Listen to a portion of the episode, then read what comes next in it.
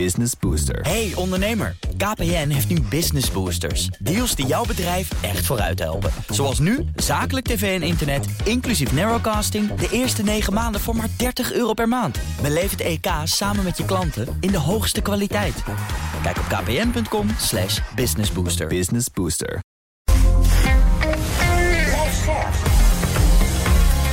BNR Nieuwsradio.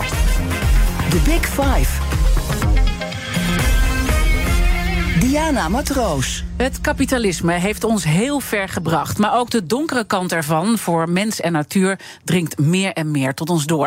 En eigenlijk weten we wel dat ons één ding staat te doen: een nieuwe vorm van economie bedrijven. Maar ja, hoe overwinnen onze weerstand om echt te veranderen? Welke leiders zijn nodig? En welke regelgeving gaat ons daar dwingend bij helpen?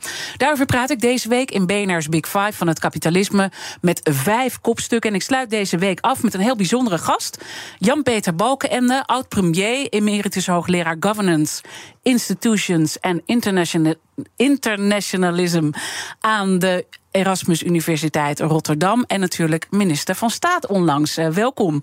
Goedemorgen. Uh, dat moment, eind oktober, minister van Staat. Ik kan me voorstellen in een hele rijk carrière dat het toch een heel bijzonder moment is geweest. Hoe was dat moment? Ja, het was, was eervol. Ik kreeg het signaal van uh, Mark Rutte dat het uh, zover was. En ik was blij met de benoeming. Het is eervol. Je kunt Nederland vertegenwoordigen op buitenlands niveau. Nederland kun je dingen doen. maar het is een erkenning voor wat je hebt gedaan. En ik had natuurlijk al eerder mooie eer betonen, had eerder doctoraat enzovoort. Maar dit was een nieuw iets en ik ben er heel blij mee. Mooi. Um, het tweede wat ik graag wil weten, voordat we echt uh, de uitzending verder in de diepte gaan rond uh, kapitalisme, is um, ook wat meer weten over uw drijfveren. Want u bent heel erg lang al met dat kapitalisme bezig. Ja. Samen met Govert Buis, hoogleraar maatschappelijke en economische vernieuwing, schrijft u ook een boek over het toekomstig kapitalisme in Europa. Waarom drijft het u zo om daarover na te denken al zo'n lange tijd? In mijn leven is één begrip ongelooflijk belangrijk: het woord verantwoordelijkheid. Je bent verantwoordelijk voor jezelf, voor anderen, voor komende generaties, voor de planeet. En verantwoordelijkheid dat raakt de organisatie ook van de economie of de rol van de onderneming. Dat vind ik fascinerend. En het boek waar we nu mee bezig zijn gaat eigenlijk over de vraag: wat is de toekomst van Europa? Mm -hmm. We hebben mooie bladzijden en donkere bladzijden in de geschiedenis van Europa. Welke economische vraagstukken zijn nu aan de orde? Wat, wat vraagt om nieuwe opvattingen rondom de economie? En moraliteit. Welke waarden zijn eigenlijk in het geding? En we proberen in het boek die drie elementen, Europa, waarden en economische opvattingen en ontwikkelingen, in samenhang te bezien. En dat drijft u dus al heel lang eigenlijk, ja. uh, ook in uw tijd als premier. En toch weet u ook hoe complex het is uh, om ook uitvoering te geven. En die balans neem ik aan uh, te houden. Want ook toen ja, had je steeds het spel van die marktwerking. Ja, dat is wel zo. Maar aan de andere kant, ehm, als je praat over dit soort ontwikkelingen, dan moet je echt een moreel kompas hebben. Wil ik uitkomen? voor de tijd toen premier was, hebben wij nadrukkelijk gekozen voor het hervormingsbeleid. Het was nodig om de sociale zekerheid te veranderen. Ga uit wat mensen kunnen in plaats van wat ze niet kunnen. Prepensioenfaciliteit en de VUT moesten worden aangepast. Meer oog voor innovatie. Uh, terugdringen van de administratieve belastendruk. Zo allemaal zaken die toen hebben gespeeld. En dat doe je omdat je uh, vertrouwen wilt uitstralen in de richting van de economie, de maatschappij. En soms dingen ook veranderen. De hervorming hoort er ook bij. Ja, u heeft ook vaak het normen- en waardedebat ja. natuurlijk geprobeerd om uh, nieuw leven in te blazen. Terwijl ja. dat best wel spannend was ook op bepaalde ja, momenten. Ik, heb, heb het met heel veel plezier gedaan. En het was wel zo dat als je op die vierkante kilometer in Den Haag kwam, dan kreeg je alles te horen. En de, werd soms ook geridiculiseerd. Maar als ik even buiten die kring van Den Haag was, dan begrepen mensen bij scholen en buurt en sportverenigingen heel goed wat ik bedoelde. Ja. En daar heb ik heel veel steun altijd gehad. Als we kijken naar het huidige kapitalisme, waar we nu uh, staan, zegt u dan we zijn te ver doorgeschoten in het kapitalisme? Uh, dat denk ik wel. Um, kijk, kapitalisme op zichzelf is een, uh, een neutrale term wat betreft de organisatie van de economie en wie heeft het eigendom. Maar kapitalisme kun je nooit loszien van een morele context. En als we het hebben over uh, de grote vragen van deze tijd, en er zijn mij betreft drie, uh, dan denk ik dat we niet op een goed spoor zitten. En wat zijn die grote vraagstukken? Het klimaatvraagstuk. Mm -hmm. uh, dat heeft te maken met wat is de kwaliteit van leven op langere termijn. Het vraagstuk van grondstoffen, materialen. We zijn straks met 10 miljard mensen. Is dit handhaafbaar? En het thema ongelijkheid. Dat kan op een gegeven moment te ver gaan. En met name in de Verenigde Staten en in China speelt dat uh, vooral een rol. Maar dan is de vraag. Um, hoe speelt een fenomeen als kapitalisme daarop in? En ik denk dat we op een aantal fronten wat uh, ver zijn gegaan. En vandaar ook het debat dat we nu zien over kapitalisme. Ja. Niet voor niks dat we deze week bij BNR hierover praten. Ja, zeker. zeker. Wij vinden het heel belangrijk om dit ook uh, te bespreken. Um, waar merkt u het aan dat het is doorgeschoten, dat kapitalisme? Nou, laat, een heel concreet voorbeeld. Uh, afgelopen jaren hebben we de bijeenkomsten gezien van het World Economic Forum. En ineens was daar de term stakeholder capitalism. Waarom gaan we niet praten over stakeholder capitalism? Dat komt ergens vandaan. Ja. En kennelijk is dat een uiting van het besef dat als je alleen maar oog hebt of te veel aandacht hebt voor de aandeelhouder, de shareholder, dan is dat een tekort. En uh, ik merk dat er een heel levend debat is wereldwijd. Um, ik kreeg nu bijvoorbeeld vanuit Japan het verzoek om binnen een paar weken een verhaal in Barcelona te houden over toekomst van het kapitalisme. En dat is een, een universiteit die, die heeft contacten overal in de wereld. Het feit dat ook vanuit Japan ineens zo'n vraag opkomt, is echt heel erg boeiend. Ik heb zelf meegemaakt, toen ik in Singapore was bijvoorbeeld, dat um, uh, nogal wat uh, mensen, mensen uit het bedrijfsleven, die pin dragen van de Sustainable Development Goals, de SDG's. En dan merk je dat ook ondernemers weten van de wereld is aan het veranderen en wat mm -hmm. onze rol erin. Ja. Dus het, het klassieke, uh, neoclassieke denken, in, in termen van short-termisme, korte termijn belangen, winst maken op de korte termijn. Uh, te veel aandacht voor alleen de aandeelhouder. Dat schiet tekort om de vragen van deze tijd op te lossen. En dat besef zie je wereldwijd ontstaan. Het besef uh, is er, maar tegelijkertijd, en dat merk ik ook deze week, is er een enorme worsteling uh, hoe we dat nou verder brengen. We, ja. we, zitten ook een beetje, kijk, we zijn natuurlijk ook een hele generatie die zijn opgegroeid met spreadsheets ja. en winstmaximalisatie en de econoom Milton Friedman. Ja. Uh, we moeten het maximale eruit halen. Dus ik merk dat het heel moeilijk is om anders te denken. Nou, het, het is misschien goed om iets te zeggen over wat is het debat geweest over het kapitalisme in het verleden. Um, dat debat heeft altijd bestaan. In de 19e eeuw had het tijd van de industriële revolutie. Dat was een vorm van ongebonden kapitalisme. De aandeelhouder had eigenlijk alles te zeggen, de kapitalist in die tijd. Dat leidt tot groot verzet. Karl Marx bijvoorbeeld, maar ook de christiale beweging of de sociaal leven van de Rooms-Katholieke Kerk.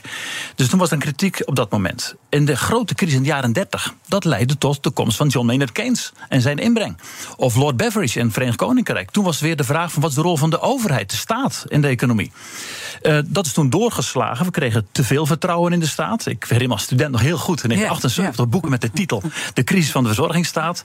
En in de jaren 80 sloeg dat volledig om. Toen kreeg je Reagan en Thatcher, de supply side economics, de aanbodeconomie. Um, en toen was ineens uh, de focus helemaal gericht op de aandeelhouder. Toen zag je ook weer een andere beweging in de jaren 90, herinner nog steeds heel goed. Dat was een Fransman, Michel Albert. Albert was een verzekeringsman, uh, maar ook een denker. En hij zei, het is een heel interessant thema, thema. Hij zei, we hebben nu altijd gehad de strijd tussen communisme en kapitalisme. Die strijd is voorbij. Aan het eind van het communisme in Centraal- en Oost-Europa. Hij zegt, we hebben een nieuwe strijd. Een broede strijd tussen twee varianten van het kapitalisme. De Anglo-Saxische variant en de Rijnlandse variant. Ja. Anglo-Saxisch is winst maken op de korte termijn, weinig oog voor solidariteit. Rijnlands is weer meer lange termijn oriëntatie. Uh, samenwerking overheid, sociale partners, meer over publieke voorzieningen. Waar wij ook ooit goed in waren ja, in Nederland, ja. toch? En, en wat zei Albert toen? Die zegt, kijk, Rijnlandse economie en Rijnlandse samenleving zijn superieur, maar men zal kiezen voor de Anglo-Saxische variant. Want? Want winst maken op de korte termijn is meer opwindend, is sexier, zoals hij het zei. Ja, en dat sexy, dat is dan denk ik ook wel een beetje de valkuil waar we met ja. z'n allen in zijn getrapt. Nou ja, dat is, ik heb natuurlijk aan dat boek moeten denken. Toen uh, de ellende uh, ontstond in 2007, 2008, de financiële crisis. Dat was echt een vorm van doorgeslagen gelddenken. Met name in de financiële sector. Ja, en dan word je wel met de voeten op de grond gedrukt van waar staan we nu eigenlijk? Ja. Uh, wat willen we met de economie? En ik heb eigenlijk gemerkt sindsdien dat er heel veel debatten zijn over wat voor soort economische ordening is eigenlijk nodig. Um, uh, bijvoorbeeld, ik ben zelf af en toe betrokken bij een organisatie, de Co-Roundtable for Moral Capitalism. Mm -hmm. uh, u noemde net ook de Erasmus Universiteit, waar ik emeritus hoogleraar ben. Dat was een keer Rice Sodia, een Amerikaans hoogleraar. En die kiest voor conscious capitalism. Ik heb zelf Stiglitz ontmoet, de bekende Nobelprijswinnaar. Uh, en die heeft een boek geschreven over progressive capitalism. Nou, er zijn verschillende bewoordingen, maar het gaat eigenlijk om drie centrale elementen. Ja. Het eerste is, het moet veel meer gaan om lange termijn denken. Want de vragen van deze tijd die hebben lange termijn karakter, lange termijn denken. Het tweede is, neem afstand van de eenzijdige focus op de aandeelhouder, maar kies voor alle stakeholders. En de klanten en de medewerkers, de maatschappij en aandeelhouders. Mhm. Mm -hmm. En een derde uh, centrale element is, er moet een veel betere balans komen tussen ecologische, economische en sociale belangen. En, dat is de, de, en als je dat op je laat inwerken, dan zeg ik dat is een, vind ik buitengewoon belangrijk voor de visie op de economie. Maar we schieten nog tekort. The Big Five. Diana Matroos.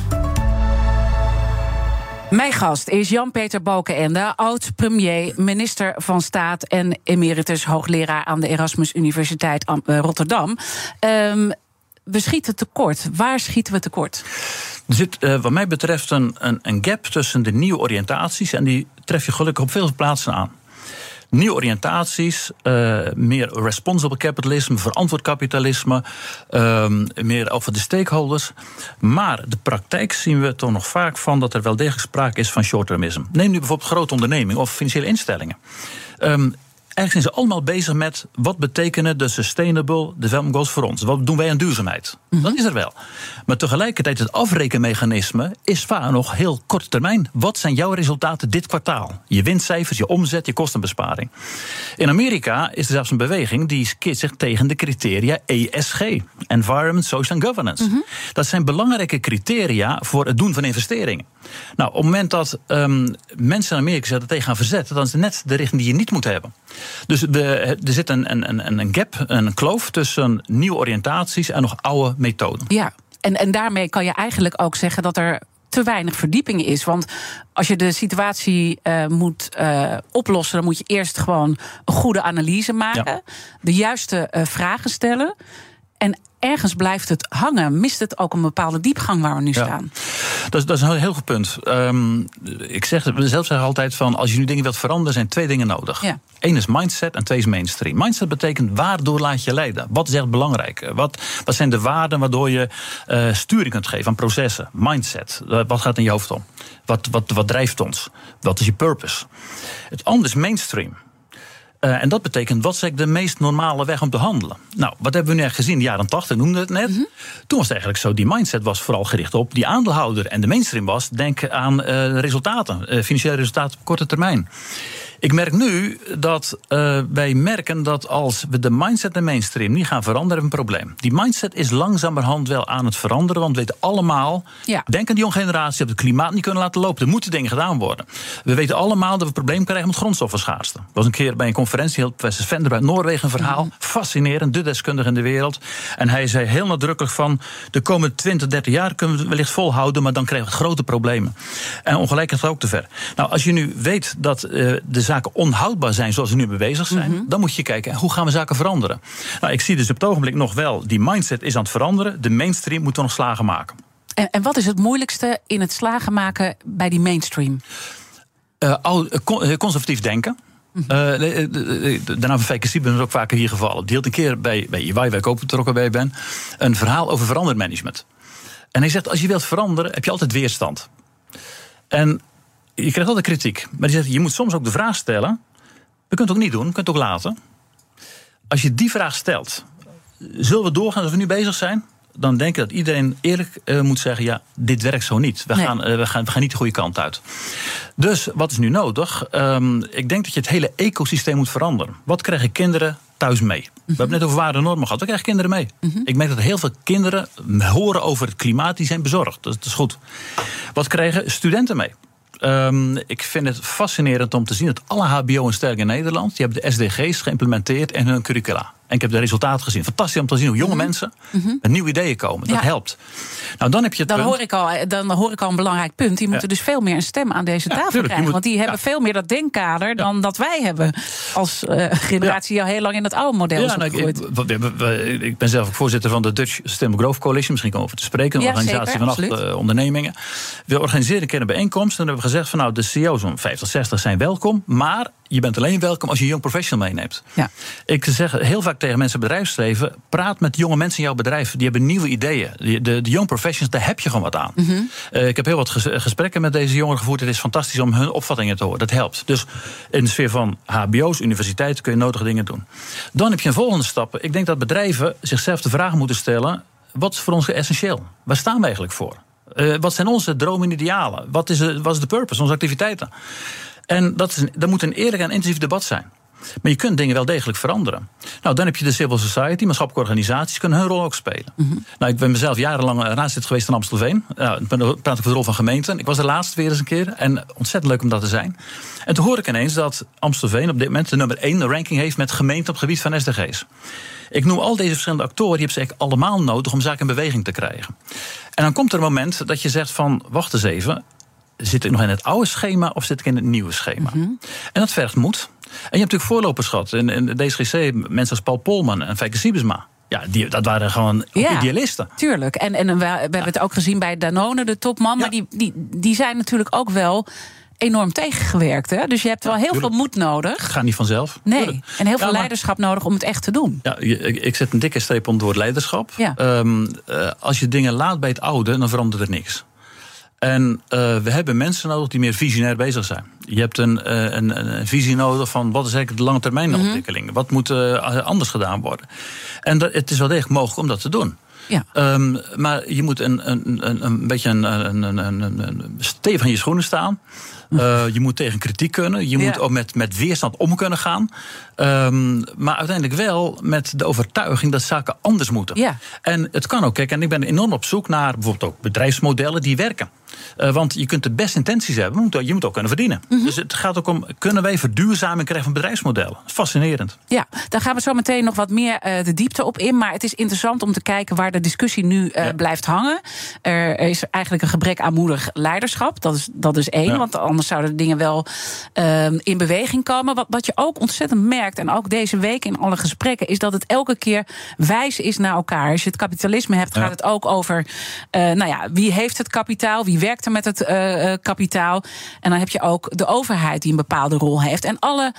Eh, stakeholders wijzen eigenlijk naar elkaar. Nee, de overheid Ja. moet het doen. En de overheid moet met duidelijke regels komen. Ja, dit is natuurlijk ook iets wat u in uw tijd als premier natuurlijk ook vaak. Dit fenomeen. Hoe, hoe doorbreken we dat fenomeen? Nou, in, in ons boek, dat eh, hopelijk in, in mei eh, gereed zal komen, ehm, gaan we ook in op een, een multi-actor approach. Je gaat meerdere actoren heb je nodig om dit allemaal mogelijk te maken. Want dit is niet of overheid, of markt, of civil society. Je hebt allemaal, zul je bij, een steentje moeten bijdragen. Dat is wat we op ons af zien, eh, zien komen. Maar ik geloof wel dat we nu in een fase zitten dat intuïtief mensen aanvoelen van, wacht even. Dingen laten zoals ze zijn, dat kan niet. Ik hoorde laatst professor Rangan van INSEAD, een bekende instelling in Frankrijk. En hij zegt, kijk, eh, bij discussie over kapitalisme zien we nu al een overgang van output naar outcome. Dat betekent, we zijn nu zo gewend aan die groeicijfers. De traditionele parameters. Outcome betekent, wat is de betekenis? Wat gebeurt er? Wat zie je aan veranderingen?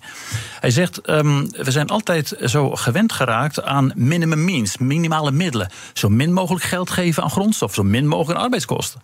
Hij zegt, we schuiven op naar minimum harm, minimale schade aan arbeidsverhoudingen en grondstoffen. En dus als we mensen eh, eh, vragen om te werken, dan noemen we dat vaak competence. Wat zijn je competentie? Wat kun je? Het zal meer gaan om character. Care, commitment en courage. Het heeft te maken met hoe sta je in het leven en hoe kun je dingen veranderen.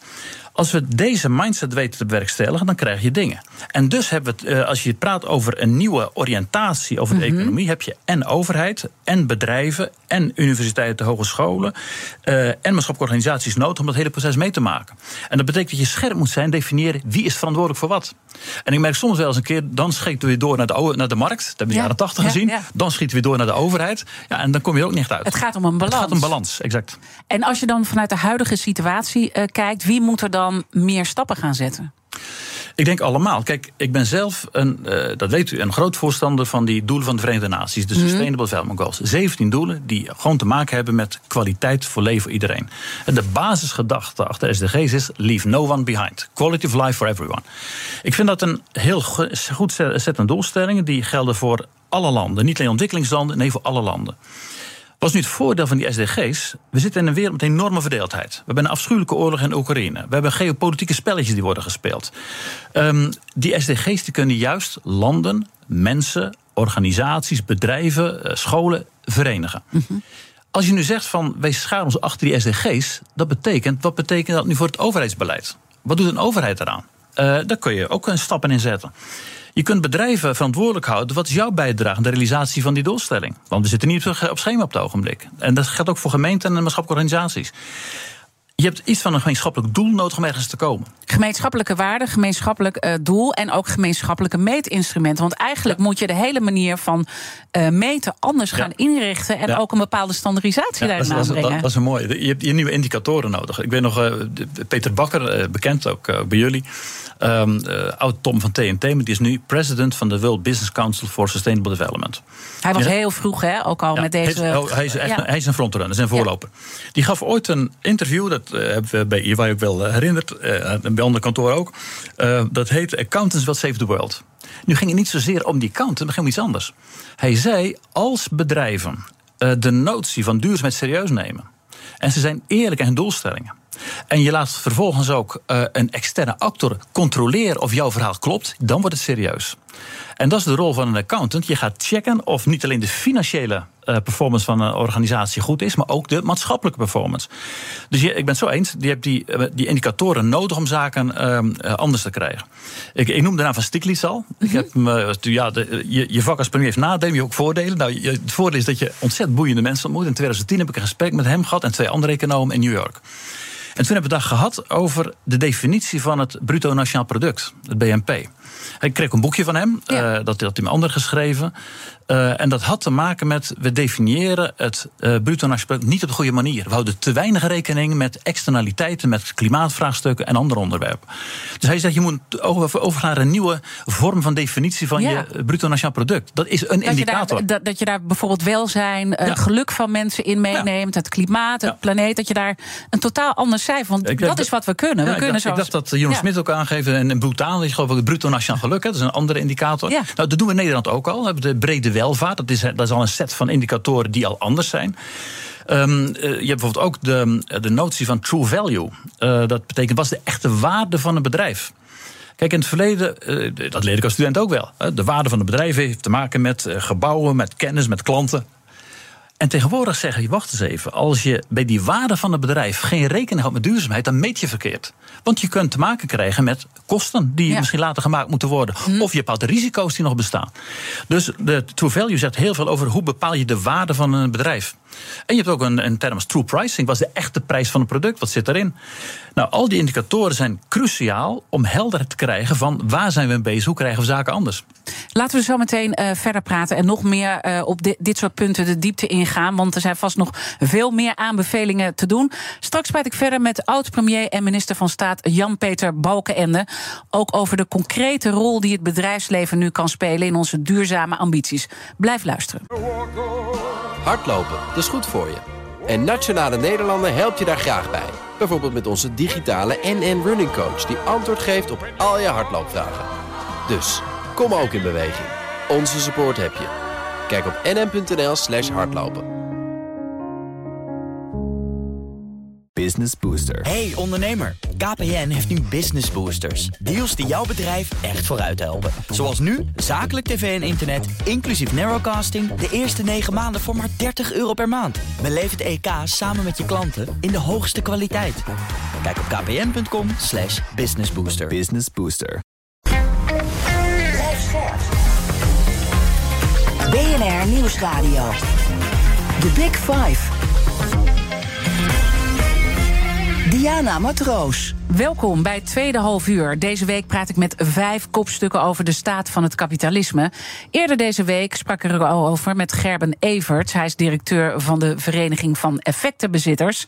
En ook met hem sprak ik over een eerlijke verdeling van de welvaart.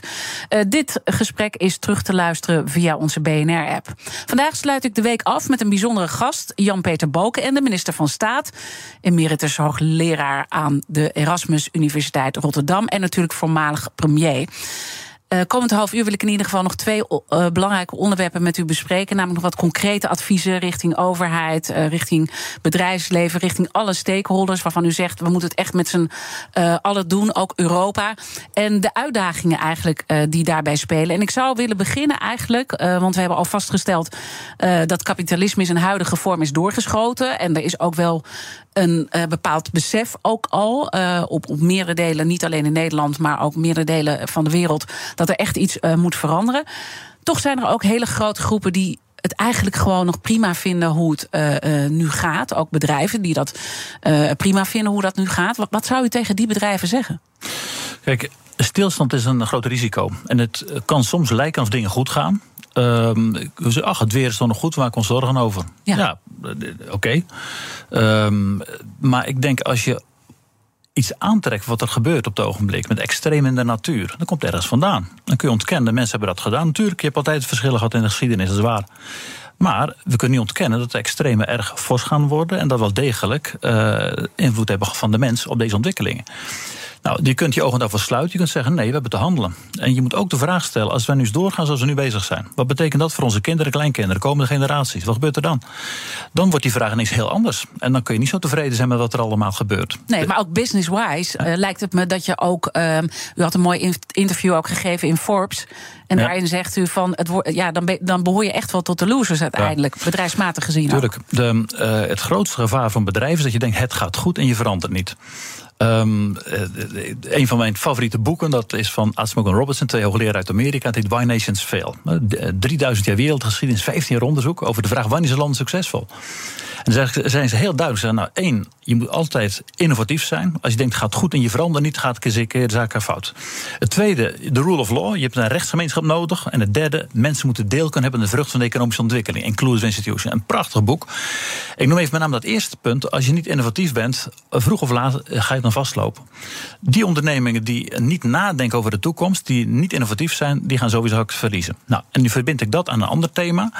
Als je denkt dat je zaken kunt doen zonder oog te hebben voor een thema als duurzaamheid, of de SDG's of de Green Deal in Europa, ja, dan ga je niet alleen kansen missen, maar je hebt ook risico's in lang, op langere termijn. Dat is echt mijn overtuiging. Ja, uh, want die risico's die zien we natuurlijk nu al zich aftekenen als we eigenlijk kijken naar de omgeving en de uitdagende omgeving waar we nu in zitten. En dat heeft ook een geopolitiek uh, element, uh, component.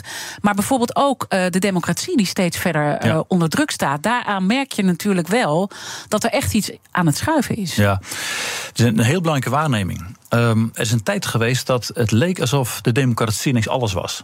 Uh, iedereen uh, kent Frans Fukuyama, die wereldwijd bekend werd met essay, The End of History, 1989. En dat is ook wel logisch, want wat gebeurde? Eind van het communisme, eind van het apartheidregime in Zuid-Afrika en eind van bepaalde regimes in Zuid-Amerika. En toen was het beeld, de liberaal-democratische orde is eigenlijk de winnaar van al die ismen. Dit is de, uh, de mm -hmm. toekomst. Mm -hmm. En als je nu in boekhandels komt, dan zie je ineens boektitels met uh, titels als How Democracies Die of The End of Democracy. Er zijn dus twijfels ontstaan. En wat hebben we nu gezien sinds 1989? Aan de ene kant de opkomst van autocratische regimes. Dat, dat zien we tal van landen, of het nu gaat om Rusland of China of noem maar op. Dat is de één kant. En we zien dat westerse democratie toch in het gedrang zijn gekomen. Er gebeuren gekke dingen. Iedereen heeft natuurlijk het beeld voor zich. Wat gebeurt op Capitol Hill uh, in, in, de Verenigde Staten. Wat was afschuwelijk om te zien wat daar gebeurde. Mm -hmm. Nu ineens merk je dat in het Verenigd Koninkrijk de vraag opkomt van... wacht eens even, wat heeft brexit eigenlijk betekend? Hadden we wel zo verstandig geopereerd destijds? Terwijl brexit gebruikt is voor de, een politiek overleven van een premier. Het kan niet mooi maken dan het is. Ja. Uh, we zien opkomst van populisme uh, uh, democratie... en heel veel korte termijn, korte termijn denken. Nou, als je dat optelt, dan zeg je... Een, de democratie als een levend organisme dat toekomstgeoriënteerd is... Ja, lijkt soms wat haaks te staan op wat we nu zien. Vaak, ja, wat staat ja. er nu in de krant? En, en daarbij is het ook goed om ook uh, te zien uh, wat ons aandeel ook is geweest in het verleden, denk ik. Um, dan kan je teruggaan tot de koloniale tijd. Maar je kan ook ja. kijken naar de uitbuiting die wij met onze manier van economie bedrijven in bepaalde ja. delen van de wereld. En dat komt ook steeds meer bij ons ja. terug. Dat zie je nu in het geopolitieke ja. spel, toch? Dat is ook zo. Nou, in ons boek uh, hebben we het ook over Europa 1 en 2. Uh, ik kan zeggen, Europa 1, dat zijn de donkere bladzijden in de geschiedenis van Europa. En we hebben oorlogen gehad, we hebben de guillotine gehad, uh, vertrappen van mensenrechten, we hebben kolonialisme, slavernijverleden. zit er allemaal in. Dat is dat deel van de geschiedenis. Er is ook een ander deel van Europa, en dat is juist het hoopgevende deel. Het heeft te maken met mensenrechten, opkomst van democratie, cultuur, mm -hmm. wetenschap enzovoort. Nou, nu kun je dus dan, de geschiedenis heb je nodig om zaken te kunnen verklaren, maar ook om lessen te trekken om zaken beter te doen. En daarom vind ik um, zo'n set van doelstellingen van de SDG's van belang, mm. omdat het juist een perspectief geeft van hoe kan het anders. En we hebben de voorganger van de SDG's, dat waren de Millennium Ontwikkelingsdoelen. Die waren voor ontwikkelingslanden bestemd. En dat had ook te maken met terugdringen van uh, kinderarbeid en meer gelijkheid en beter onderwijs en tegengaan van vrouwensterfte bij geboortes enzovoort. In 15 jaar tijd zijn zo'n 70 tot 80 procent van die doelen gerealiseerd. Dus het kan wel, mits je maar in beweging komt. Als er acties komen, als je zaken meetbaar maakt. Nou, dat geeft mij dus wel hoop dat het wel degelijk mogelijk Het is kan- om zaken het kan aan te pakken. wel. Het kan wel, maar je moet het willen en doen. Eh, ik denk dat dat een mooi moment is ook eh, voor de kettingvraag. Want eh, ik sprak eerder met Medi van der Laan, voorzitter van de Nederlandse Vereniging van Banken. En die had een vraag voor u, ook als voorzitter van de Dutch Sustainable Growth Coalition. Luister maar. Kan structurele economie, wereldwijde economische groei samengaan met de wereldwijde duurzaamheids- en circulariteitsdoelstellingen? Ja, goede vraag van, eh, van Medi. Ehm, We hebben samen in een kabinet ja, gezeten. ja, we kennen elkaar heel erg goed. Ja. Ehm, en we komen elkaar nog eh, steeds tegen, dus dat is leuk. Eh, deze vraag is erg goed omdat het wijst op de verhouding tussen... hoe kijk je aan tegen de groeiontwikkeling in de maatschappij... en tegelijkertijd de duurzaamheidseisen en circulariteitseisen. Een heel belangrijk punt. Soms wordt wel eens gedaan alsof het een het ander uitsluit. Eh, onder de duurzaamheid kost geld.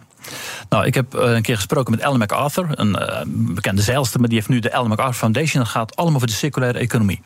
En zij is ervan overtuigd dat we heel veel revenue kunnen binnenhalen, inkomsten binnenhalen, om juist te kiezen voor circulair handelen. Dus zij wijst op de economische mogelijkheden. Nou, er zijn natuurlijk eh, tal van bedrijven die wel degelijk in staat zijn om duurzaam te handelen en ook de zaak profitable, winstgevend te maken. Dus ik vind niet dat zaken uitsluiten. En er komt iets anders bij. Hoe definiëren we dan groei? Ja. Ehm, want als we groei alleen met traditionele parameters vatten, van eh, de, de groei zoals we nu kennen, met onze definitie van het BNP of de groeicijfers voor bedrijven. Ja, dan denk ik dat we ook daar eens over na moeten denken van, is die definitie goed? Dat is één kant van het verhaal. En ik zie juist enorme mogelijkheden om zaken anders te gaan doen. Ehm, ik vind het fascinerend om te zien hoe bedrijven juist het circulair te handelen goed kunnen opereren. Signify, een, een, afsplitsing van Philips, om zo maar even te noemen, of het is verkocht. Ik vind het echt heel interessant om te zien dat zij licht verkopen, niet als product, maar als dienst. En dat betekent dat je heel anders omgaat met materialen. Ja, En dus het komt elke keer weer terug dat je dus eigenlijk eh, andere meetinstrumenten en andere definities moet gaan geven. Ja. Eh, maar, maar het lastige is eh, dat we dan tegelijkertijd ook in een realiteit leven. Hè, want het gaat ook Ja. om realistische doelen. En dan toch ook even naar die Dutch Sustainable Growth Coalition. Ja. Daar zitten natuurlijk acht multinationals in, waar ook bijvoorbeeld een, een Heineken in zit, een Shell, een Unilever. Die nu in deze tijd mega winsten boeken. Ja. Wat terugvloeit naar de aandeelhouders. En Ja. dan snap je ook het, het, het, het spel aan, aan aan de ene kant. Maar het lijkt ook nog zo vasthouden aan de oude wereld. Wat, wat vindt u?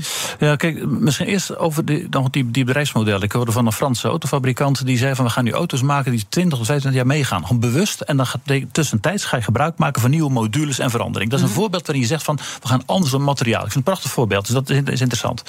Dan de organisatie waar ik zelf leiding aan geef. We zijn begonnen al in 2012 en toen hebben we gezegd van hoe kunnen we met elkaar het denken over duurzaam bedrijfsmodellen stimuleren? Oxford Nobel, een voorbeeld noemen. Je kunt zeggen, maar coatings, daar verdien ik mee. Je kunt ook zeggen, maar coatings, waardoor ehm, het eh, schoonmaken van schepen veel goedkoper gaat worden en ook veel eenvoudiger. Je kunt de snelheid van schepen op eenzelfde niveau laten, met eh, juist vanwege die coatings. Dus dan heb je verbinding tussen duurzaamheid en jouw product.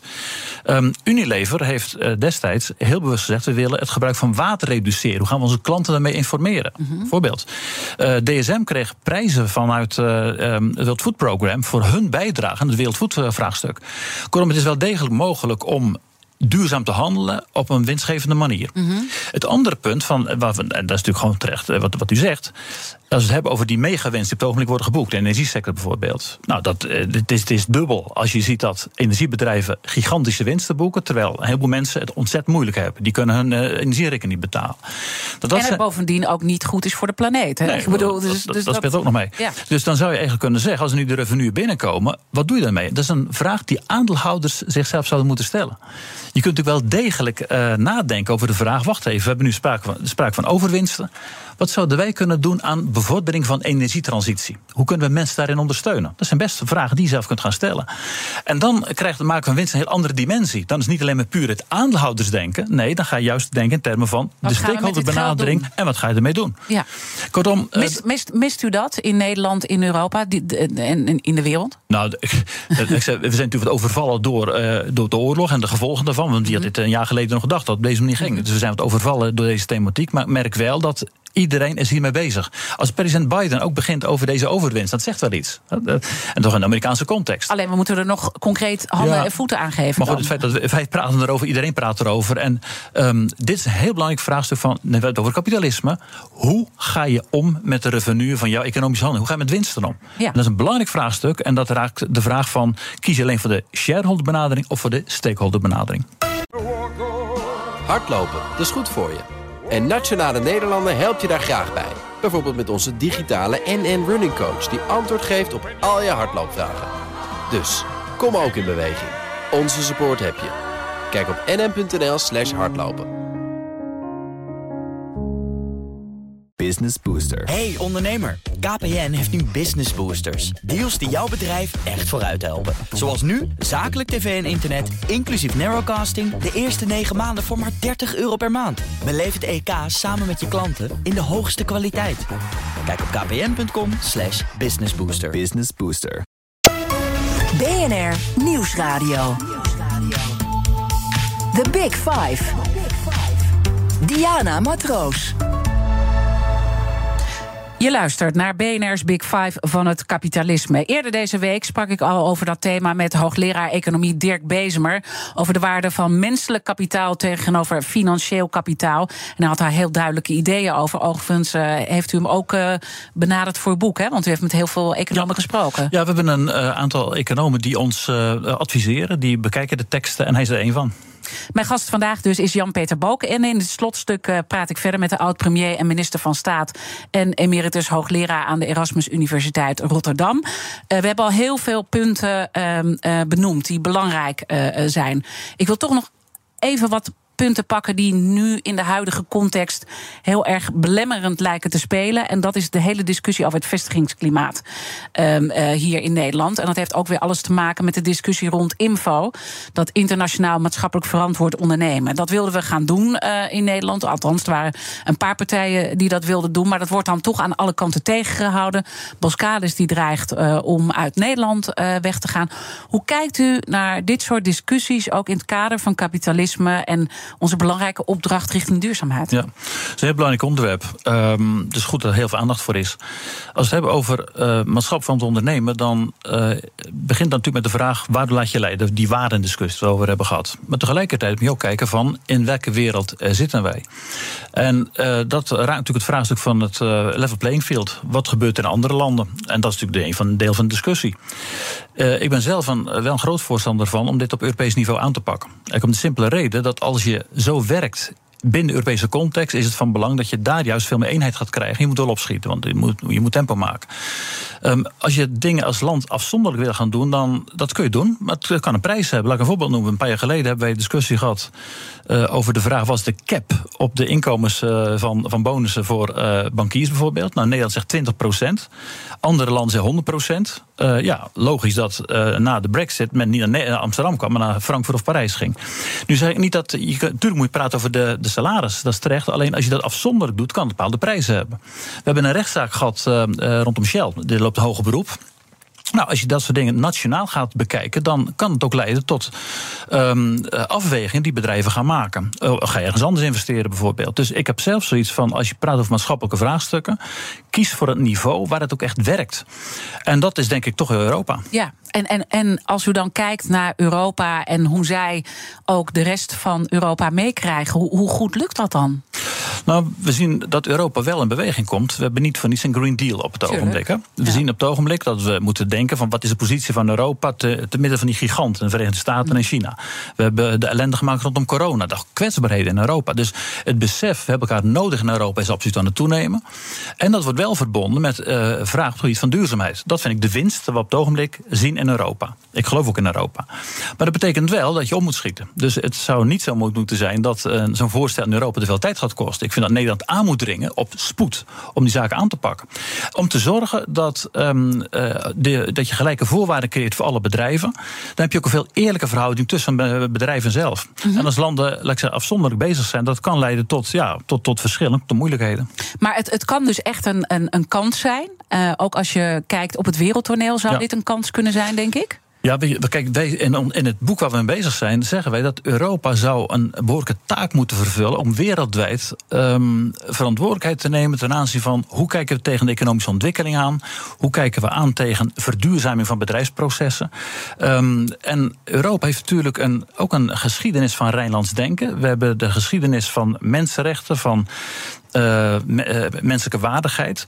Dat zijn allemaal elementen die een grote rol spelen bij het opbouwen van een economie die, die, die, die hout snijdt en die ook toekomstgericht is. Dus ik hoop dat we deze tijd benutten voor Europa om de goede weg in te slaan wat betreft verduurzaming, mhm. inspelen op de SDG's, Green Deal serieus aanpakken uh, en elkaar erin scherp houden. Maar, maar hoe doen we dat? Want dan word je eigenlijk een soort voorbeeld voor de rest van de wereld. En dat zouden wij dan kunnen uitdragen met z'n allen als Europa.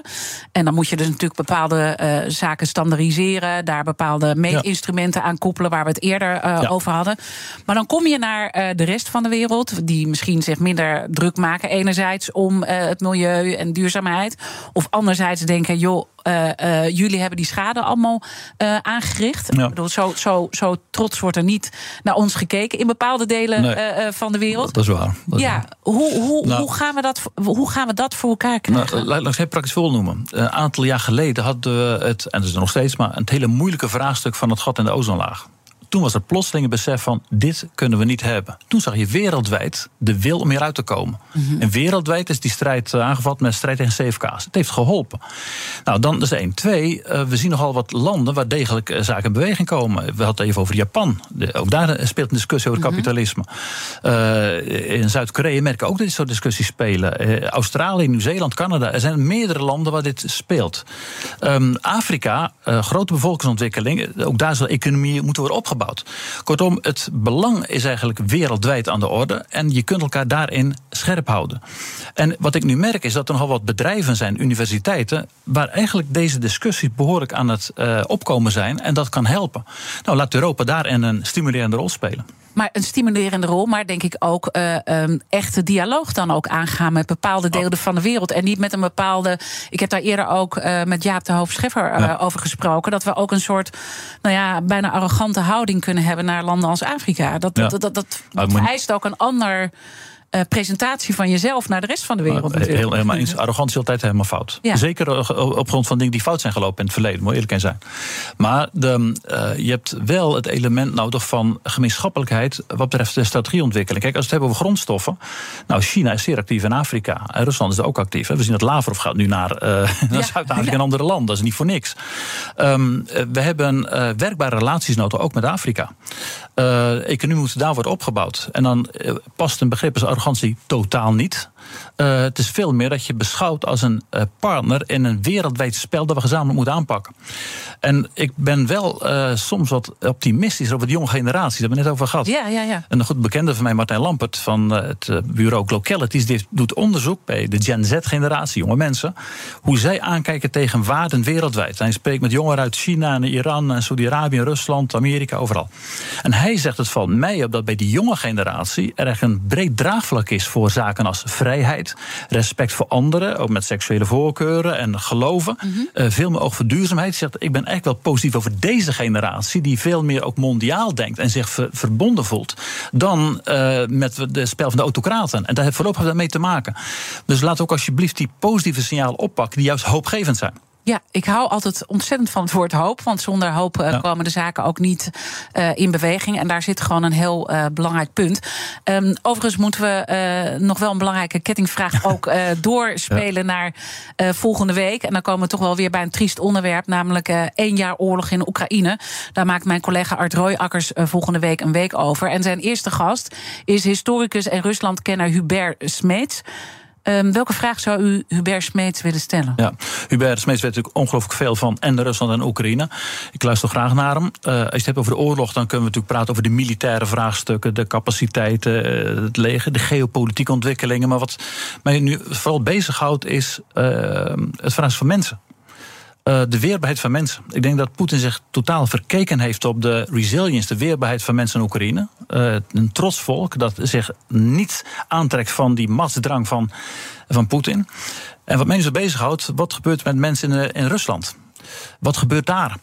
Um, hoe lang blijft men dit accepteren? Of heeft men verkeerde informatie? Uh, wat zijn hoopgevende ontwikkelingen voor mensen daar? Want men ziet natuurlijk wel, jongeren worden weggestuurd naar het front en, uh, en komen niet meer terug. Dus uh, ik zou graag van u bij Smeester iets meer horen over hoe hij het lot van mensen in Rusland ziet op wat langere termijn.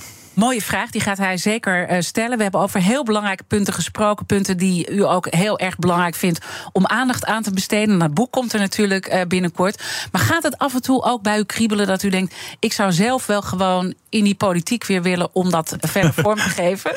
Nee, die tijd heb ik gehad. 16 jaar gemeenteraad, via Tweede Kamer, meer dan acht jaar premier. Uh, minister van Staat. Nee, kijk, ik werk nog wel samen met oud-collega's in de Club de Madrid. Dat is een organisatie van oud-regeringsleiders. En daar bespreken we al dit soort thema's. Maar ik heb na mijn tijd als premier uh, denk ik een hele mooie rol ook in het bedrijfsleven kunnen vervullen en, en de universiteit. En ik uh, draag mijn steentje bij op die manier. Ja. Ik moet niet terug aan iets wat is geweest. Ik lever mijn bijdrage, maar nu op een andere manier. En die bedrijven waar, waar, u ook adviseert, die kunnen natuurlijk enorm belangrijk zijn in die grote taak die voor ons ligt. Zoveel is het wel duidelijk geworden. Ja, ik, ik bijvoorbeeld ben zelf betrokken bij de Global Center on Adaptation. Een centrum zit in Rotterdam, maar ze opereren wereldwijd. En daar wordt ook gezegd, als wij van het adaptatievraagstuk, hoe gaan we om met klimaatverandering, hoe kun je waarborgen creëren dat landen niet worden overstroomd en zo. Dus dat werkt alleen eh, ook als, als grote bedrijven mee gaan doen. En ook de kleinere bedrijven. Aan deze thematiek van adaptatie. Dus over heb je ook bedrijven nodig. Nou, dat, ja, dat signaal probeer ik ook te geven. Ja, ik vond het leuk. Ik hoop dat we nog een keer verder praten. Want het thema was eigenlijk gewoon te groot om dit in een uh, uur te vatten. Heb het graag gedaan. Goed. Dat was een eer. Um, dank Jan-Peter Balkenende, oud-premier en minister van Staat. En natuurlijk zijn alle afleveringen van BNR's Big Five... zoals altijd terug te luisteren. Abonneer op onze podcast via onze app of je favoriete podcastkanaal. Dan weet je zeker dat je niks mist. Maar blijf vooral live. Zometeen het nieuwe programma BNR Breekt Politiek... Uh, gepresenteerd door Nina van den Dungen. Zeer de moeite waard uh, om te luisteren. En heel erg cruciaal natuurlijk in deze tijd... dat ook dit element bij BNR Breekt uh, terugkomt. ik wens je een mooie dag en ook een prachtig weekend. Hardlopen, dat is goed voor je. En Nationale Nederlanden helpt je daar graag bij. Bijvoorbeeld met onze digitale NN Running Coach... die antwoord geeft op al je hardloopvragen. Dus, kom ook in beweging. Onze support heb je. Kijk op nn.nl slash hardlopen.